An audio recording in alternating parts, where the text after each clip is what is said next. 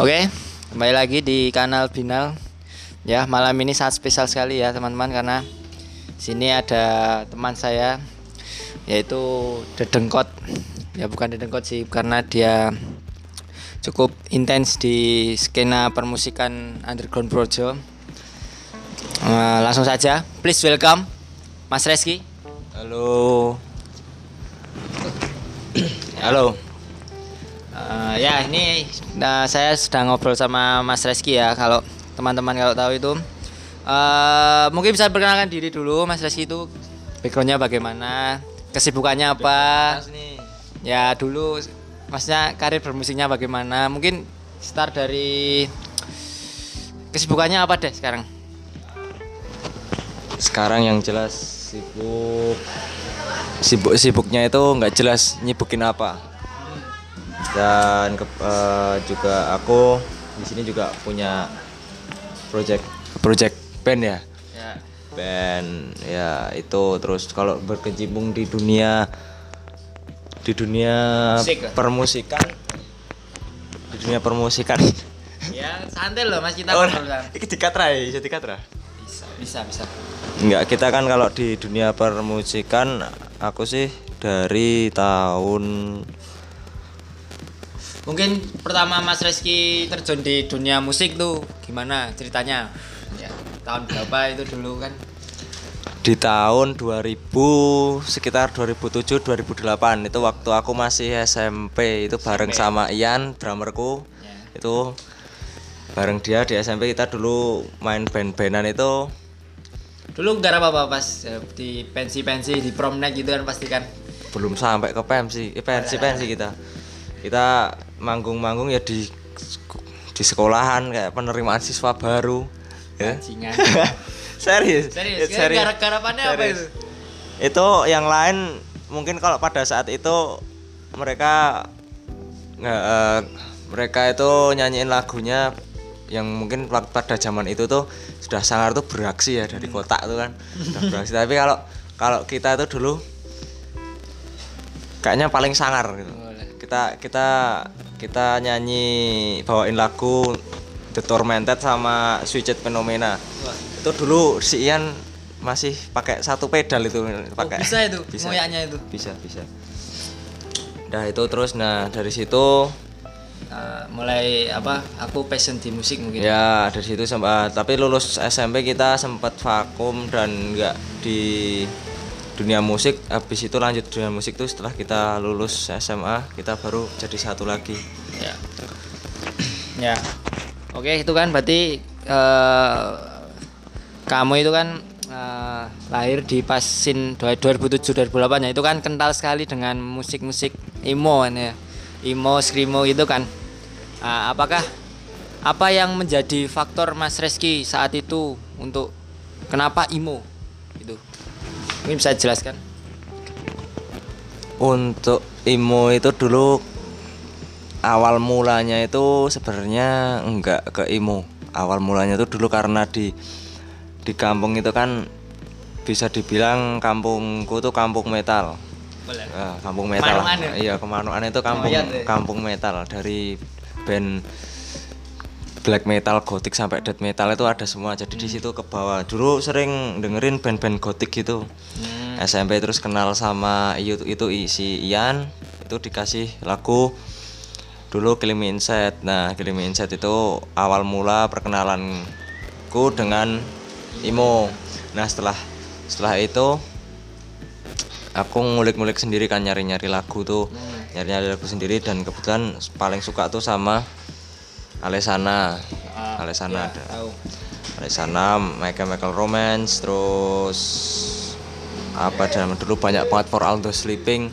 Pokoknya band-band yang itu tuh genre screamo pasti aku langsung suka. Dulu paling seneng tuh aku nggak nggak suka nyariin satu lagu satu lagu tapi satu album langsung tak download dulu waktu waktu itu masih ada web MP3 bu itu download gratis banget satu album pure gratis tinggal cari genrenya apa download di situ nanti aku suka ya udah aku simpen. Kalau nggak hapus.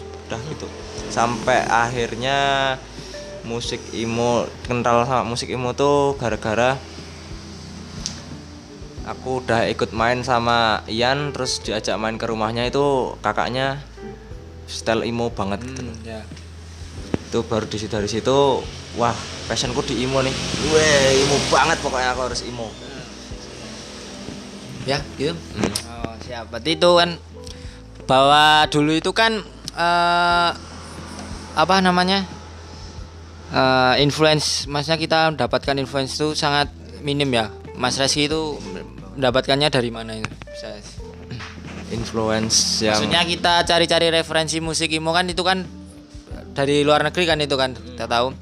Dan pada saat itu mungkin internet masih belum begitu apa namanya? oh udah. udah udah Oh. YouTube udah udah gampang banget itu diakses YouTube YouTube cuman belum belum kayak sekarang dulu tuh paling eh video kualitas 240 tuh udah Bagus ya? udah bagus udah asik lah buat musik Hmm, ya I see, I see. Berarti Mas Reski ini kan sudah eh, berkecimpung ya, dulu udah tahu merasakan lah, masnya terjun di scenes emo. Nah, bisa jelaskan emo sendiri itu bagaimana, karakteristiknya bagaimana, supaya pendengar binal bincang nakal ini bisa tahu awal mulanya, sejarahnya mungkin bisa lah gitu. pendapat orang kan beda-beda Ya, tapi ini Mas Reski mm-mm. sebagai yang Jadi kalau aku nangkepnya itu untuk sebenarnya kalau imo itu sampai sekarang tuh nggak mati sih. Kalau Iya, iya. dibilang mati tuh enggak. Jadi imo itu sebenarnya dari awal mulanya itu setauku tuh dari Washington DC. Itu aku lupa band namanya, bandnya tuh lupa. Itu jadi bapak imo. pelopornya gitu ya. Ya. Itu Bapak Imo itu cuman dia dia nggak nggak mau dibilang Bapak Imo. Bukan MCR tuh, Mas. Bukan, Oh, bukan. Karena dia MCR tuh masih kemarin. Itu karena dia itu lagunya tuh pop eh, punk punk rock apa eh, cuman pakai riff riff. Iya, ala ala ala emo jadinya post hardcore gitu loh, Oh. post hardcore. Nah, itu dari situ mungkin kalau zaman dulu itu pada pada zaman itu emo itu dengan karakteristiknya dengan style poni lempar kan. Poni lempar terus stylenya itu kayak set ya sedih-sedih kayak depresi depresi gitu. Itu seben dan mu- musiknya itu ih, bisa dipaus nggak? Paus paus Nggak, Leng. nah jadi ketika mus imo itu pada saat itu sik sik lali aku cok. Pada saat itu imo itu dengan karakteristiknya itu dengan poni lempar dan musik keras dengan teriakan-teriakan penderitaan. Dari segi musiknya itu bagaimana? Mungkin bisa dia mah ah, itulah apa sih imo itu kalau menurutku pada zaman itu lebih ke musiknya itu kayak mencurahkan apa yang ada di pikiran sih eh, anak apa muda di pada ada saat itu ya. depresinya anak muda anak muda remaja pada saat itu tuh ya di musik emo itu tertuangkan nah, musik emo dengan karakteristiknya Yang khas seperti itu ya ya. khasnya dengan suara-suara tinggi mungkin suara itu ya. Ceritan. y- yelling scream terus ya depresi sakit hati dan lain lirik-lirik yang patah hati itu kan itu emo pada saat itu dan kenapa kok tadi aku bilang emo itu sampai sekarang nggak nggak mati itu karena semua itu hanya berganti di musiknya sih kalau untuk imonya sih sebenarnya nggak nggak mati. Kayak style kalau style sih pasti setiap zaman kan berubah. Ya berubah. Tapi kalau untuk jiwa imo sendiri itu sampai sekarang masih kok. Contoh mungkin kalau untuk untuk zaman dulu kan genrenya screamo gitu terus dengan kas yang teriak-teriak musik breakdown breakdown tentu untuk untuk untuk tahun-tahun belakangan ini sampai 2019 itu kalau aku nangkapnya sih emo itu terwakilkan oleh seperti ini Post Malone terus itu kan apa aja apa? Apa dia itu juga suka eh, show di Imonet. Ah Post Post Malone terus siapa? Skrillex. Skrillex terus yang musik-musiknya itu musik depression kan extension Mm. Lil Peep em, lebih ke apa ya? Jangkaunya tuh lebih ke IDM lebih ke IDM sama hip hop. Lo lo-fi ya? Hip hop lo-fi. Pokoknya yang yang itulah musik dugem lah ya. musik-musik dugem itu. Eh, berarti itu kan eh, emo sendiri itu kan sud- sudah tidak menjadi sebuah, sebuah genre lagi. Itu sebuah culture ya mungkin kalau iya kan? Itu kan nyatanya dengan anak-anak sekarang itu kan dengan mungkin musiknya emo itu mulai menurun tapi apa jiwanya itu masih emo gitu kan.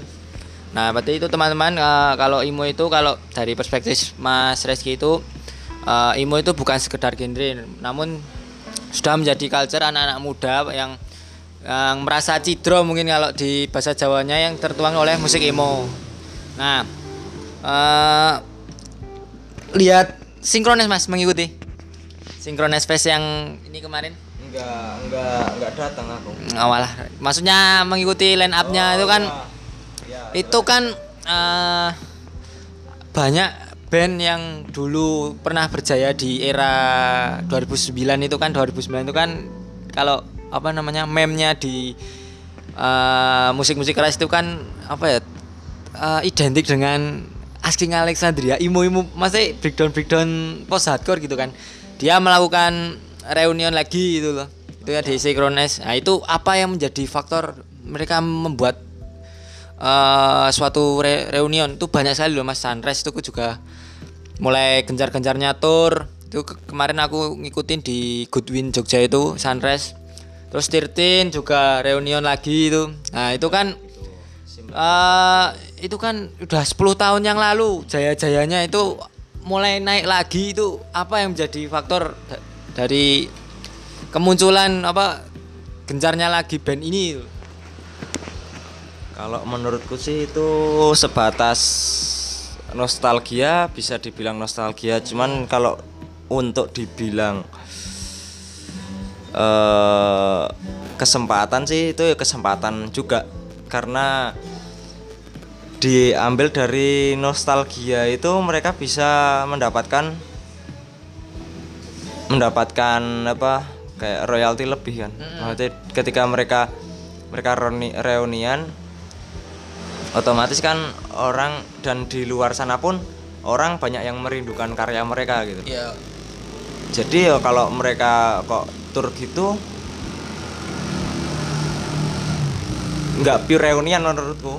Karena mereka kayak apa? Yang ya memanfaatkan lapangan juga kondisi lapangan Iya. yang yang menginginkan mereka pada zamannya yang merindu sama zamannya mereka dulu.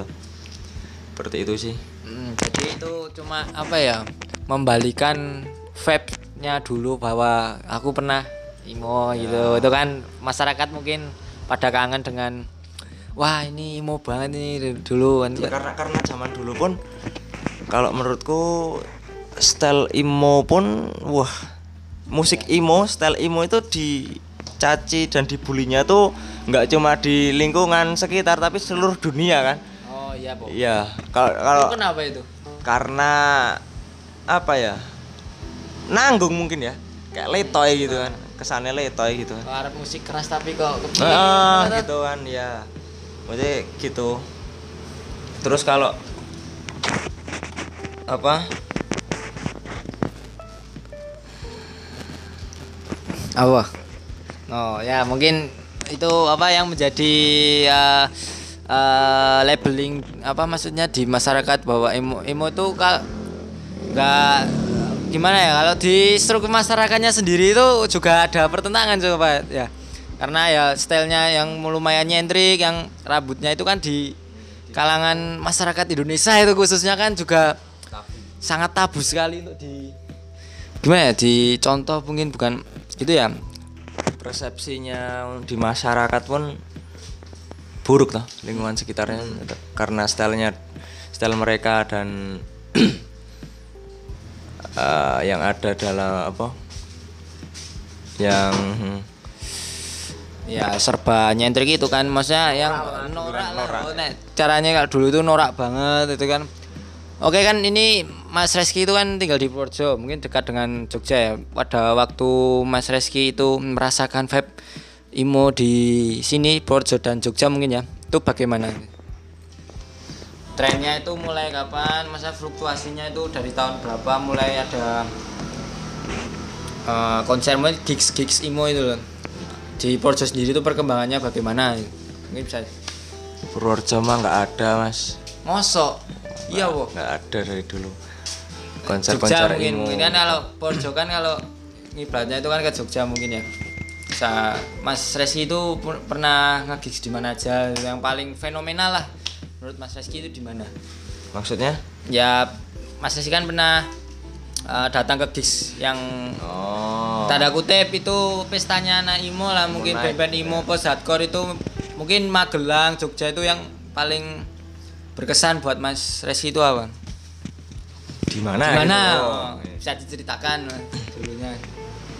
kalau gigs gigs yang pure emo post hardcore screamo tuh belum pernah mas ya. aku aku belum pernah aku belum pernah karena dari dulu dari dulu tuh aku pasti kalau nonton gigs gigs tuh ya gigs gigs metal jadi campur ad- apa aja di situ aku pikir itu bakal pada saat itu aku mikirnya ketika aku masuk gigs gigs campur metal seperti itu bakal ketemu sama band-band yang screamo iya. gitu. Tapi ternyata 1001 mas.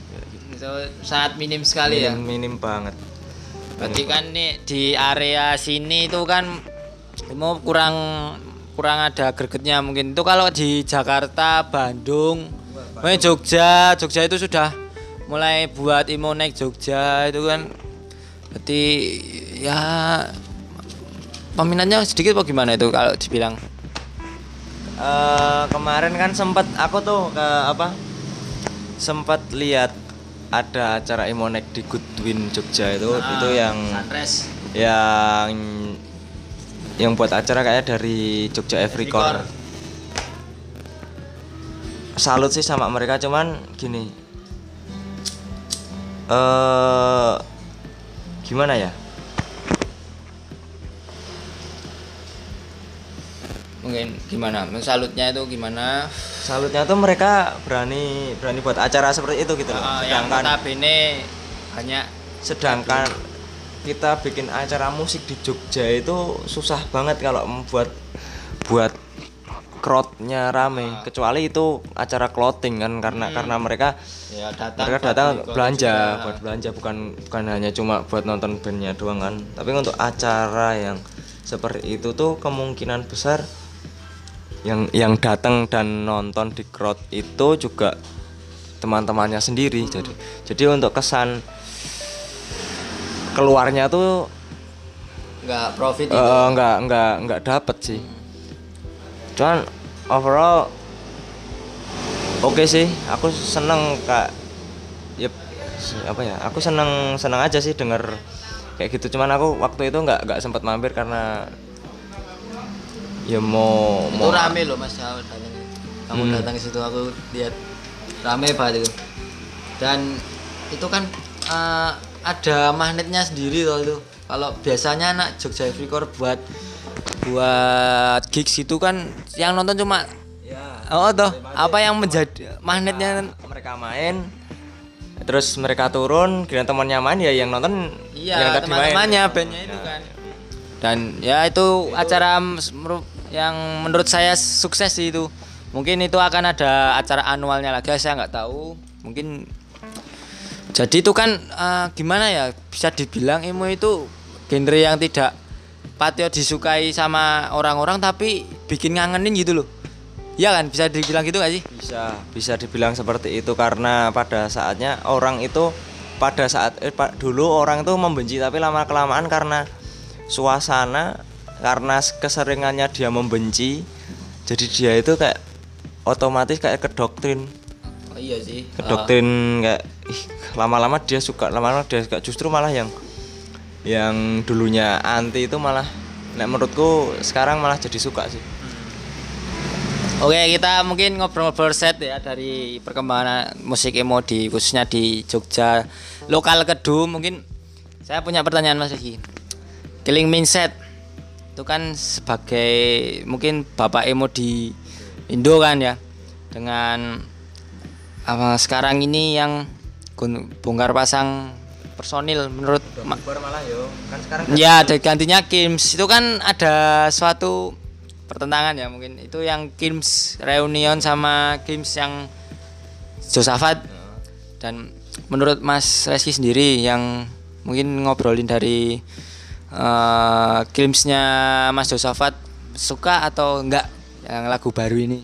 Yang Nam itu loh, Num. Oh, yang lebih aku dengernya sekarang malah ini kok iya judulnya enam kok aku aku nggak tahu judulnya cuman aku sempat dengerin kemarin di feed Instagram itu aku nangkapnya ke Jen ya sekarang ya dia Ya, Asik sih. bawa imo sih. asik sih tapi aku aku suka kok suka suka Jen musik musik Jen gitu Itu kan itu Mas yang games yang Josafat itu kan vokalisnya ganti vokalisnya Slepidot itu si Ical itu kan.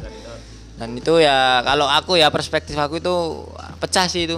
Eh, bagus lah. Dan saya nggak saya heran ya sama orang-orang yang eh siapa itu? Bangsane si Putra, Puceh. Itu kan pada ngedis si Josafatnya padahal yang kita lihat di aku nggak tahu ya aku kan lihatnya di sosial media ya. Itu kan orangnya kalem-kalem aja itu kan. Dan ya suka nyinyir itu apa ya yang menjadi masa sih kanu nggak? Apa maksudnya? Ngikutin killing mindset gak dari, dari dulu.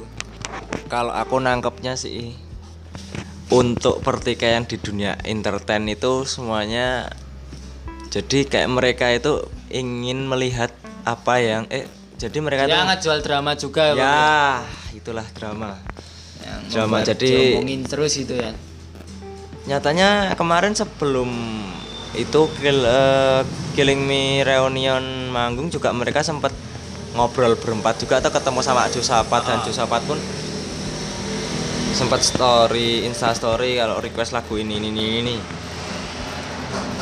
Toh nyatanya mereka sebenarnya baik-baik aja menurutku. Nggak ada problem yang Ya, berlebihan nggak. cuman karena seperti media yang bicarakan ya yang wah ini ada crash karena kayaknya. karena orang Indonesia itu suka sama sinetron suka sama drama dan itu tuh suka. Jadi mereka uh, orang kesempatan menjual itu bisa bikin naik. Kenapa enggak sih oh iya berarti aku nangkapnya aku gitu. Seperti Kalau itu ya? salah pun ya dimaafkan karena ya sih aku lihatnya mereka itu kayak menjual drama jadi kayak gimana caranya kalau bandku itu supaya diomongin terus di media gitu kan? Nah itu ya strategi pemasaran dari itulah marketingnya ya, tahu sendiri lah band kayak gitu loh. Itu kan yang kayak Killing Mindset itu kan ya band underground yang bisa masuk TV juga kan itu salah satunya kan ya. Itu ya menurut saya per, perlobiannya anak-anaknya itu juga menurut saya bagus. Wah Mas Reski sendiri ini sibuk ngeband apa sekarang? Mungkin bisa diceritakan Mas Reski ini sekarang band-bandannya apa sama siapa? Ya kan sama kamu mas. Oh, asu. oh, apa? sekarang apa tuh sibuknya apa musiknya? Di eh, explore ke musik apa ya ini bicarain sejarah bandnya juga kan nih? Ya boleh ya? bebas ya apa los aja asik ya. Sejarah band. Sebenarnya tuh dari dulu aku sama Ian itu nggak nggak pernah bubar band ya dari dulu kan ceritanya hampir-hampir mirip Killing Me nih kan. Wah iya jelas band kamu kan. Jelas. Jelas hampir bedanya nggak termuat di media aja. Iya karena kita tuh apa gitu loh. Iya.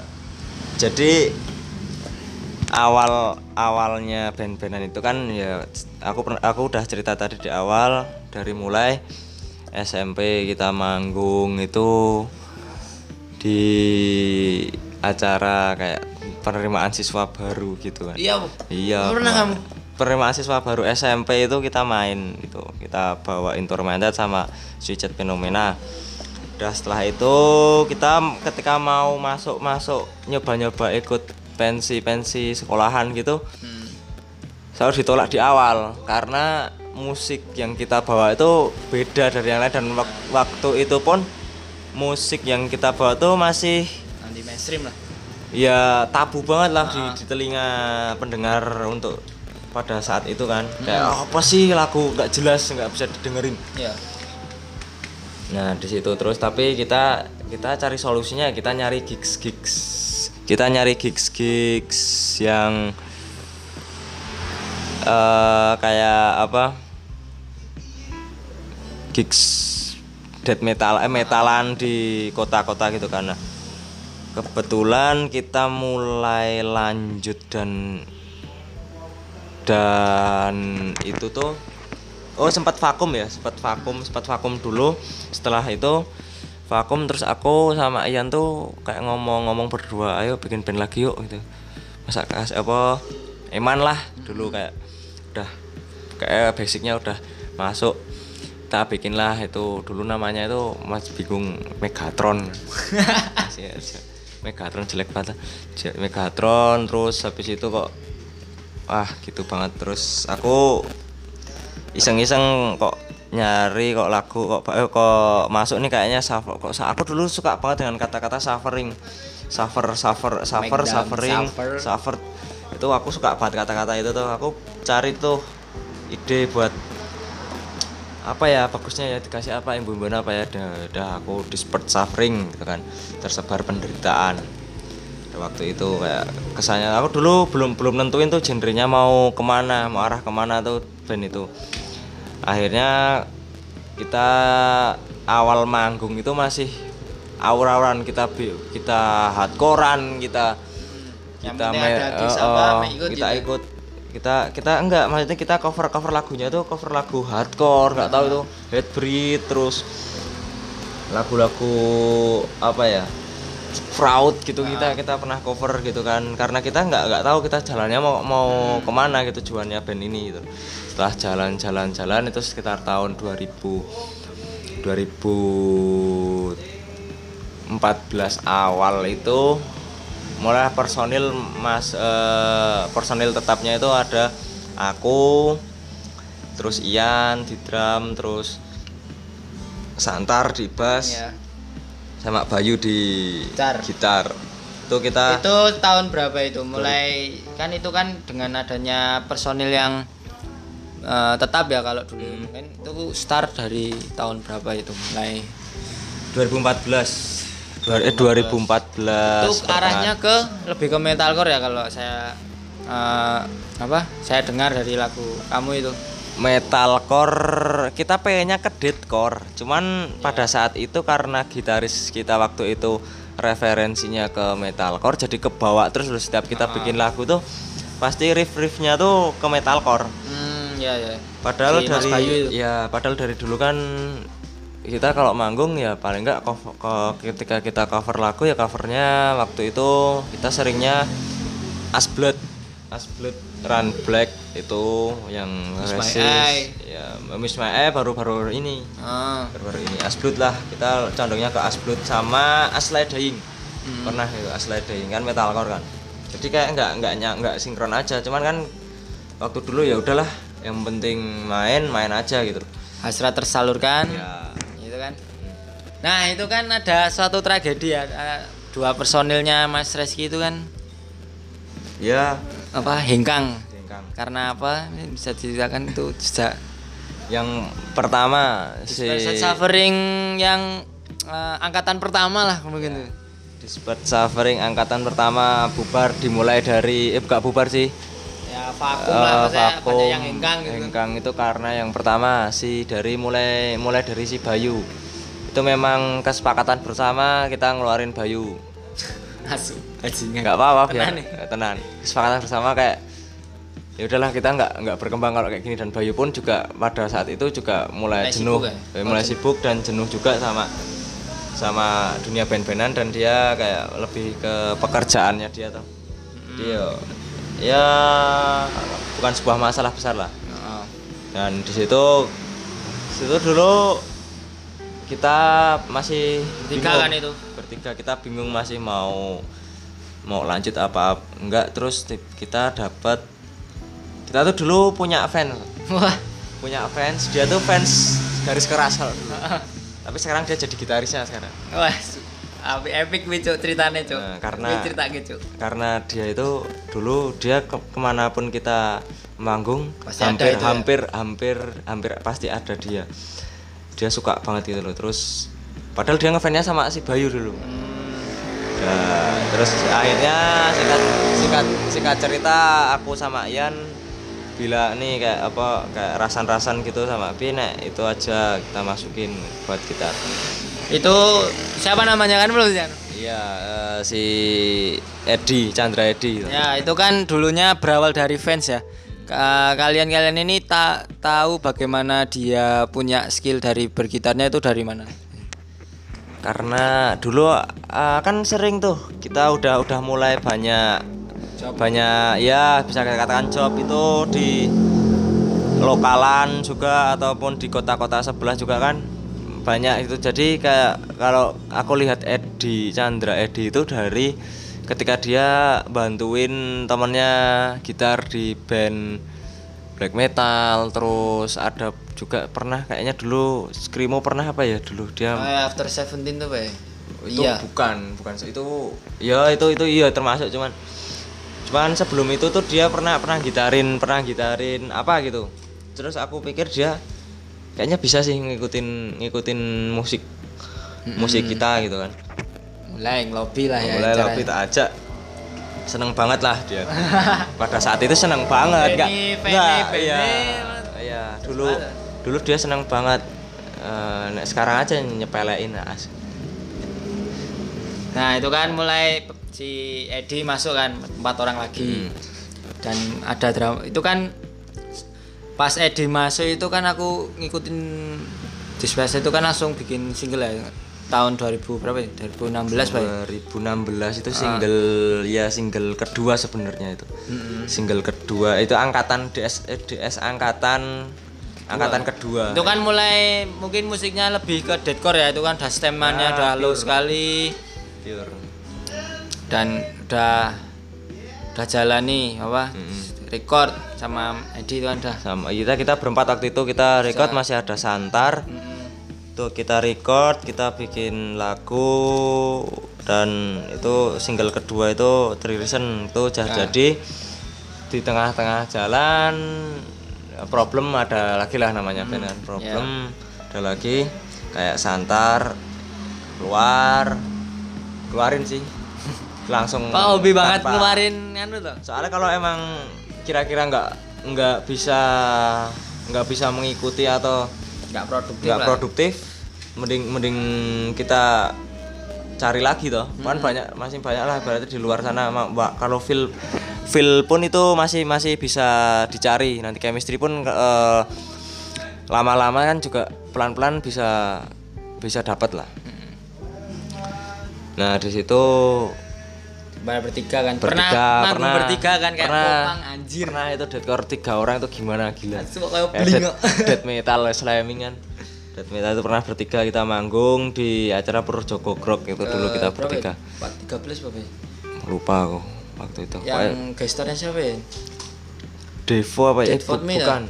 Eh Devo apa ya? Aku lupa. Pokoknya, pokoknya Itu bertiga itu. bertiga kita. Kita bertiga Apa nggak trouble itu kalau bertiga itu? nyatanya pada banyak yang mosing Wah, siap. bodo amat orang tuh yang penting wah gitu udah. Urusan musik hancur apa enggak Hmm. cuman sampai sekarang pun kalau dibilang dibilang manggung kacau sampai sekarang pun masih kacau. Kalau aku Ya lihat. nggak luput dari nggak luput dari- atau ada aja problemnya. Tuhan bertiga pernah manggung terus sama akhirnya kan kewalahan kayak kok nggak nggak nggak lagi. Akhirnya kan si Ed- si Chandra Chandra bilang eh, nyaranin ngerekomendasikan Fauzi. Ya kamu tau nggak?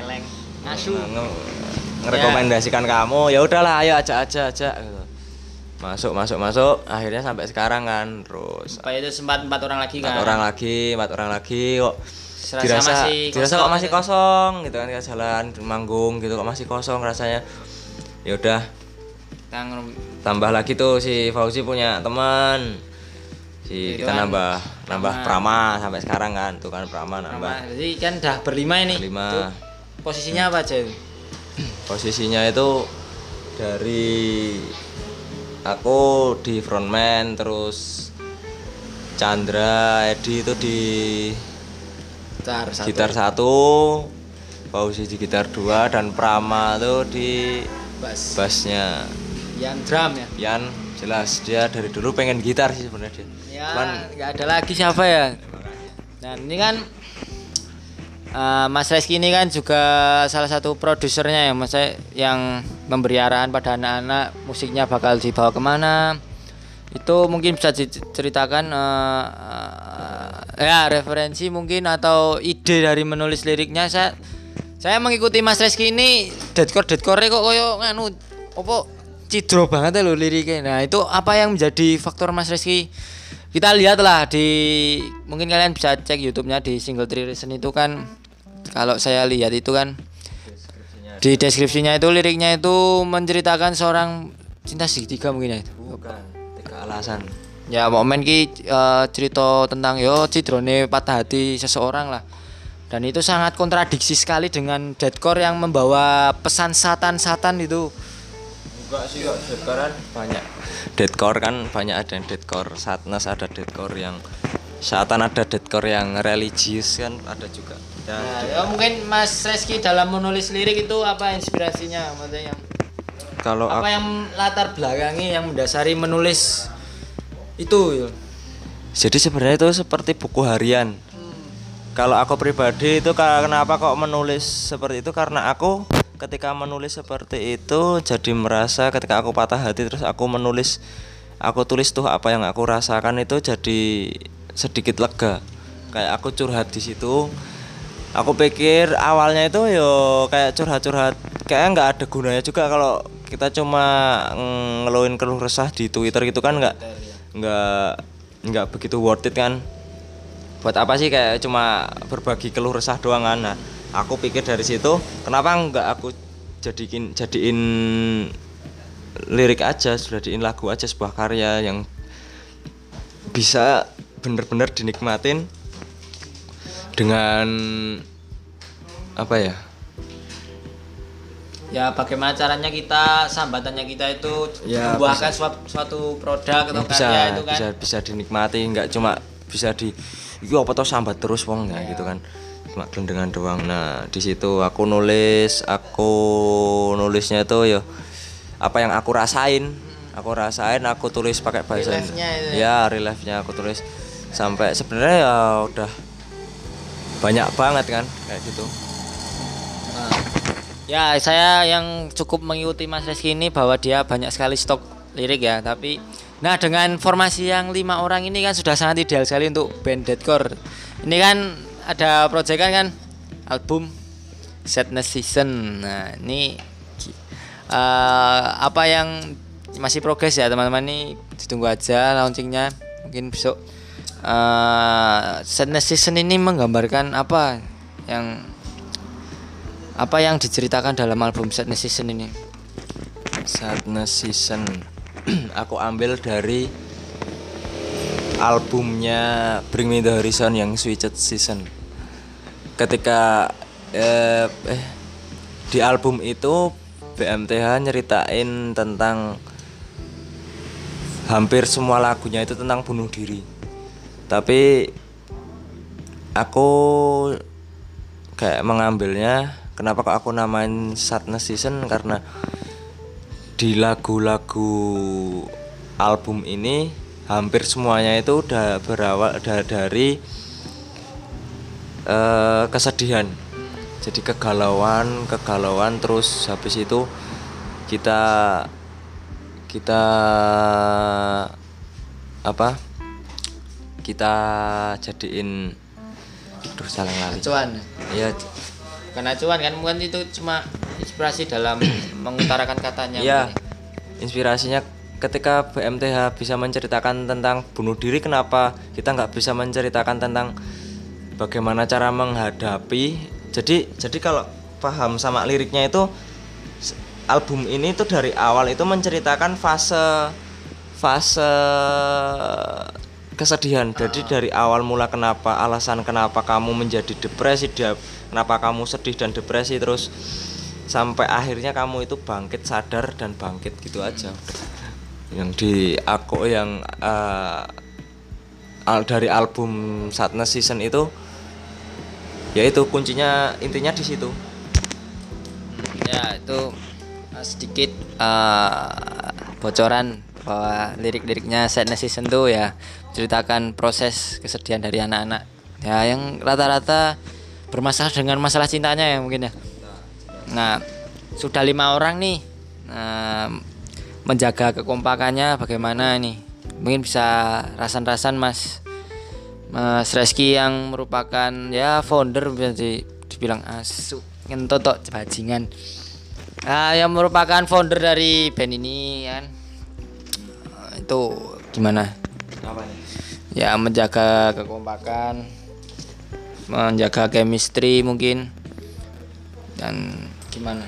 Sebenarnya aku cuma mau pesen aja sih.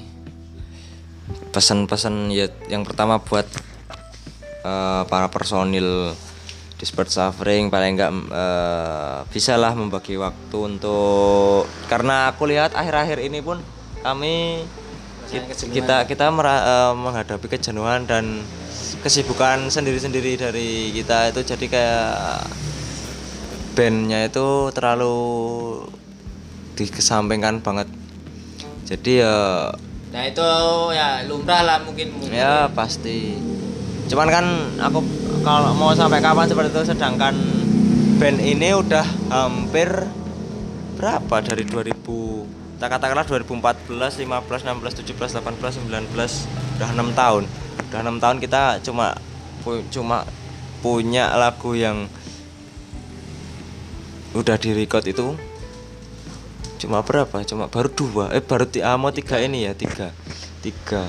Mau sampai kapan kita nggak nggak punya album? Iya sih, Gitu ya, iya sih gitu sih. Aku juga punya eh, rasan-rasan seperti itu. Dan ya itu ngaraku sih eh, merupakan hal yang lumrah lah maksud di dalam band. kayaknya ngobrol Oh iya, kita ngalor ngidul mas, rapopo toh mas.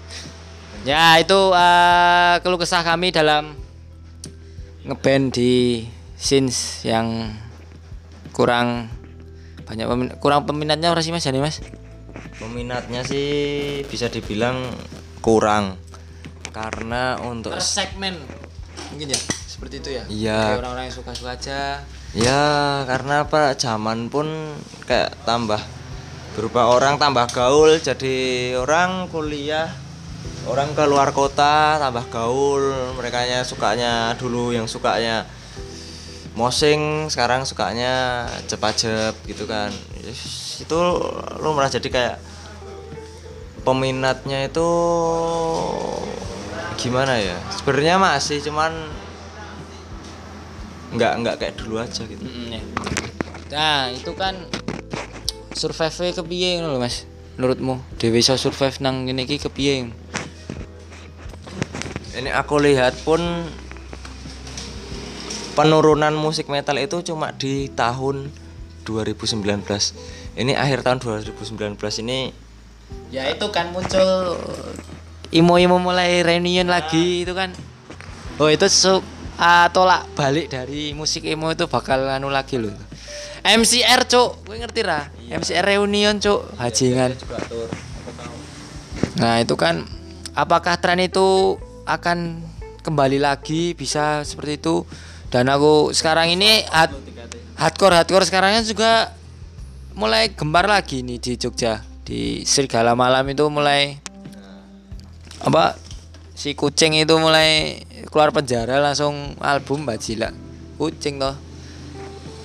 Komeng komeng. kucingnya something brong ting eh komeng itu kan mulai manggung meneh bajila dan bagi pesan bagi Mas Reski yang mungkin kita yang pelaku musik-musik anti mainstream itu gimana?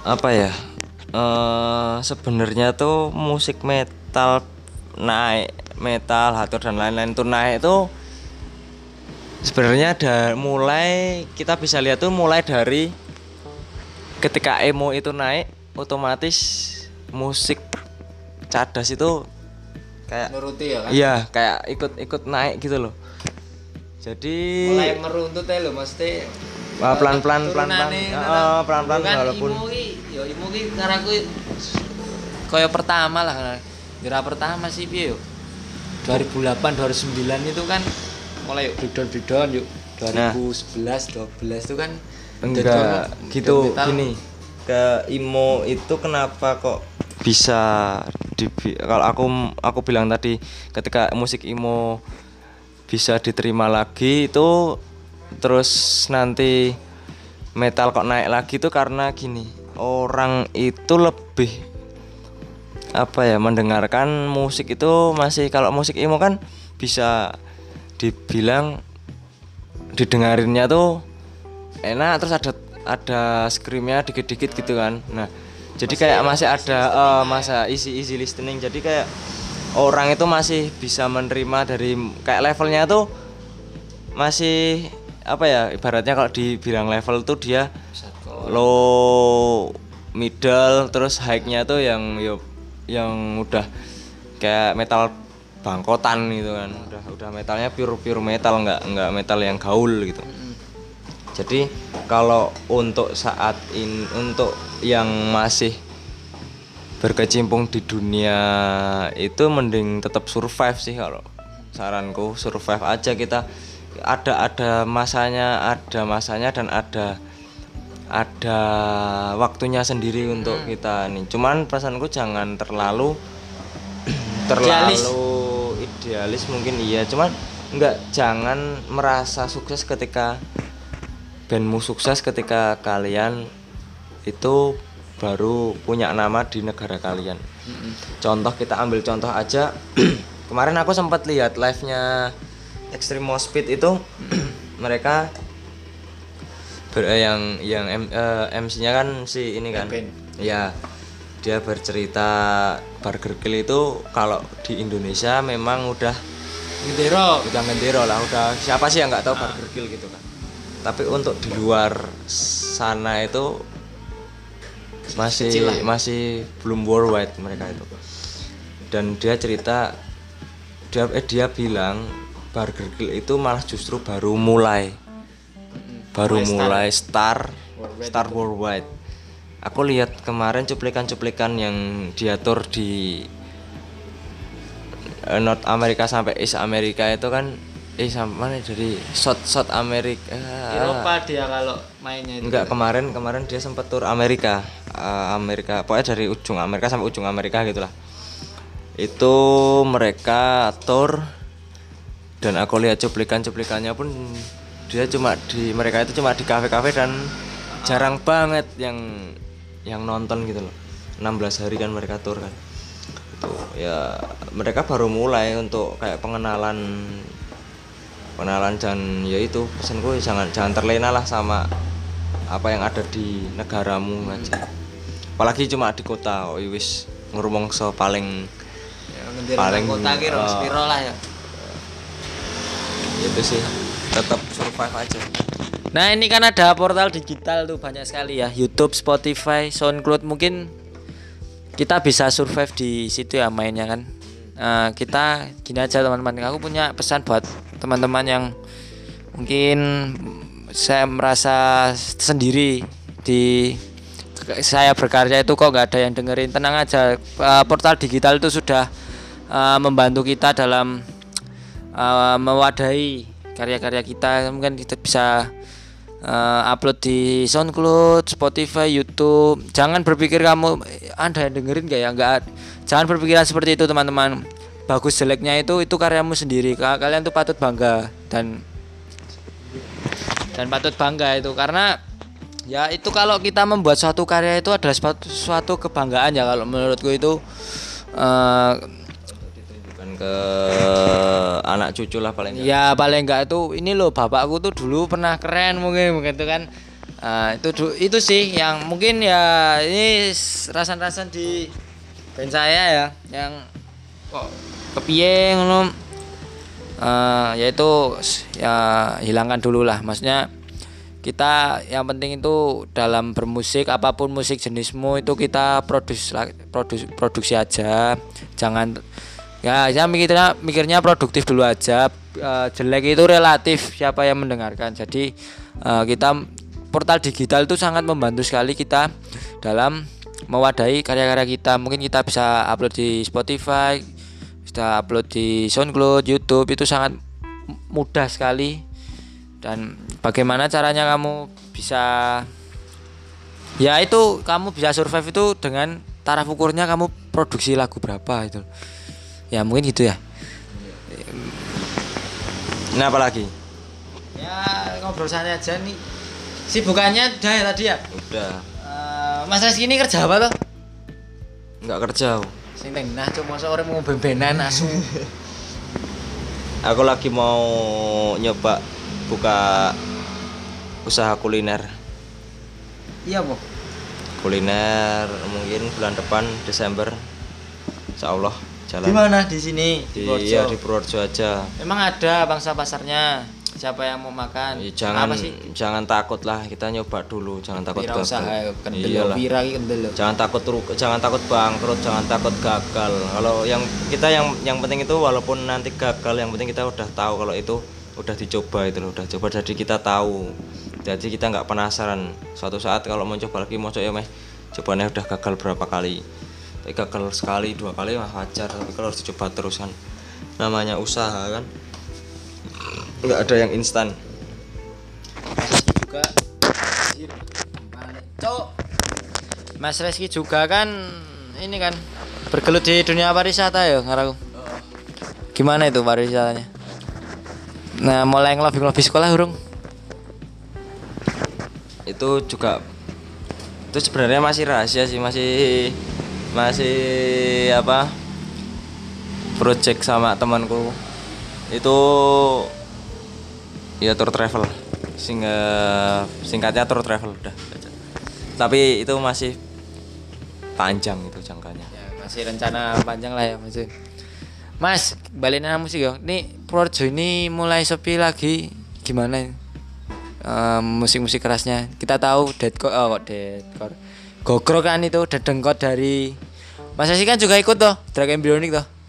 Itu obrolan di sana itu gimana toh? Saya kan nggak tahu. Sebenarnya untuk peminatnya di Purworejo itu ada aja, masih ada. Cuman kan dari pemerintahnya, dari ya. eh, nggak ada support dari pemerintah dan untuk venue-nya juga, sekarang ya. ya venue-nya juga kan sekarang dipersulit mas. Kalau kita mau sewa gedung, gedungnya pasti wah mau musik ini ya nggak pasti nggak boleh, pasti nggak boleh. Gedung kesenian aja yang namanya kesenian aja kita mau nyewa nggak boleh Iya. Padahal musik kan seni, seni kan itu menjangkau semuanya hampir. Ya nggak melulu itu kan. Iya, nggak cuma tari. kan. iya. Musik kan juga seni. Makanya. awalnya itu dari Ya, itu ada. yang venue-nya itu enggak Ya venue, cuman kebetulan ini ada venue ya ala kadarnya itu buat tanggal 29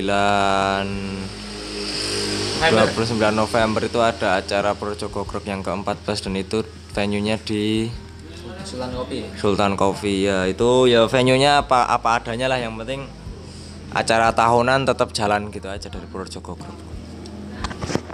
Nah, itu ya eh, alasan kenapa Porjo itu kurang maksudnya sedikit meredup itu karena ya kita tahu sendiri Porjo itu nggak ada venue gedung wanita sudah di nganu toh itu mulai di nganu renovasi gedung-gedung senian di di Ketok era oleh lho Mas. Starafe ketoke. Gede kae sapa sing gedung ndi? Endi ke? Harap nang Kutarjo kae. Jatindah. Dan tadi opo saiki? Mall.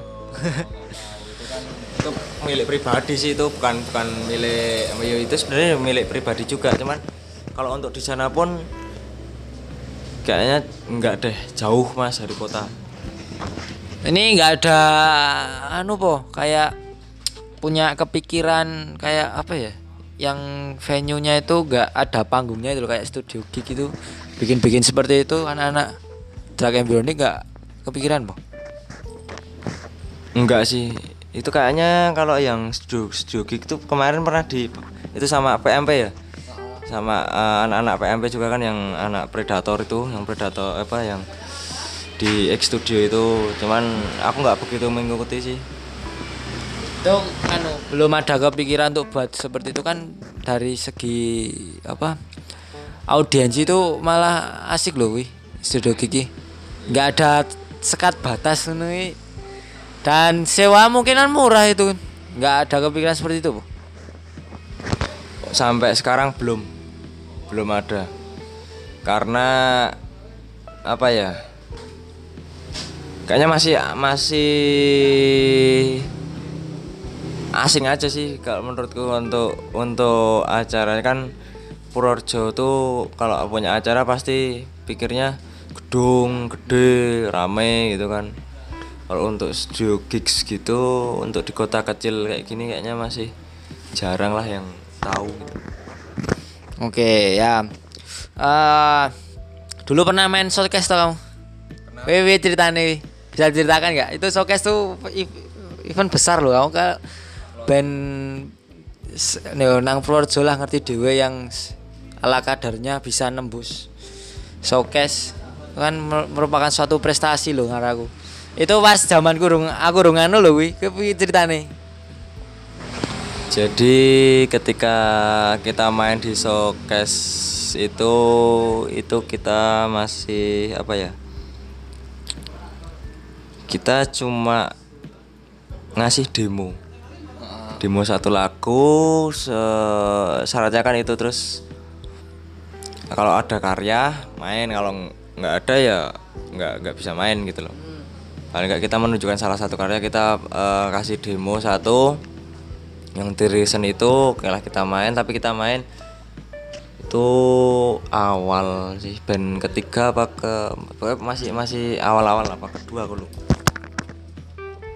Nah itu kan ini loh teman-teman ke- dengan adanya kita produktif bikin lagu itu kan berarti uh, membuka jalan kita untuk supaya bisa survive bisa banyak job lah paling ora tuh banyak. Orang dalam juga.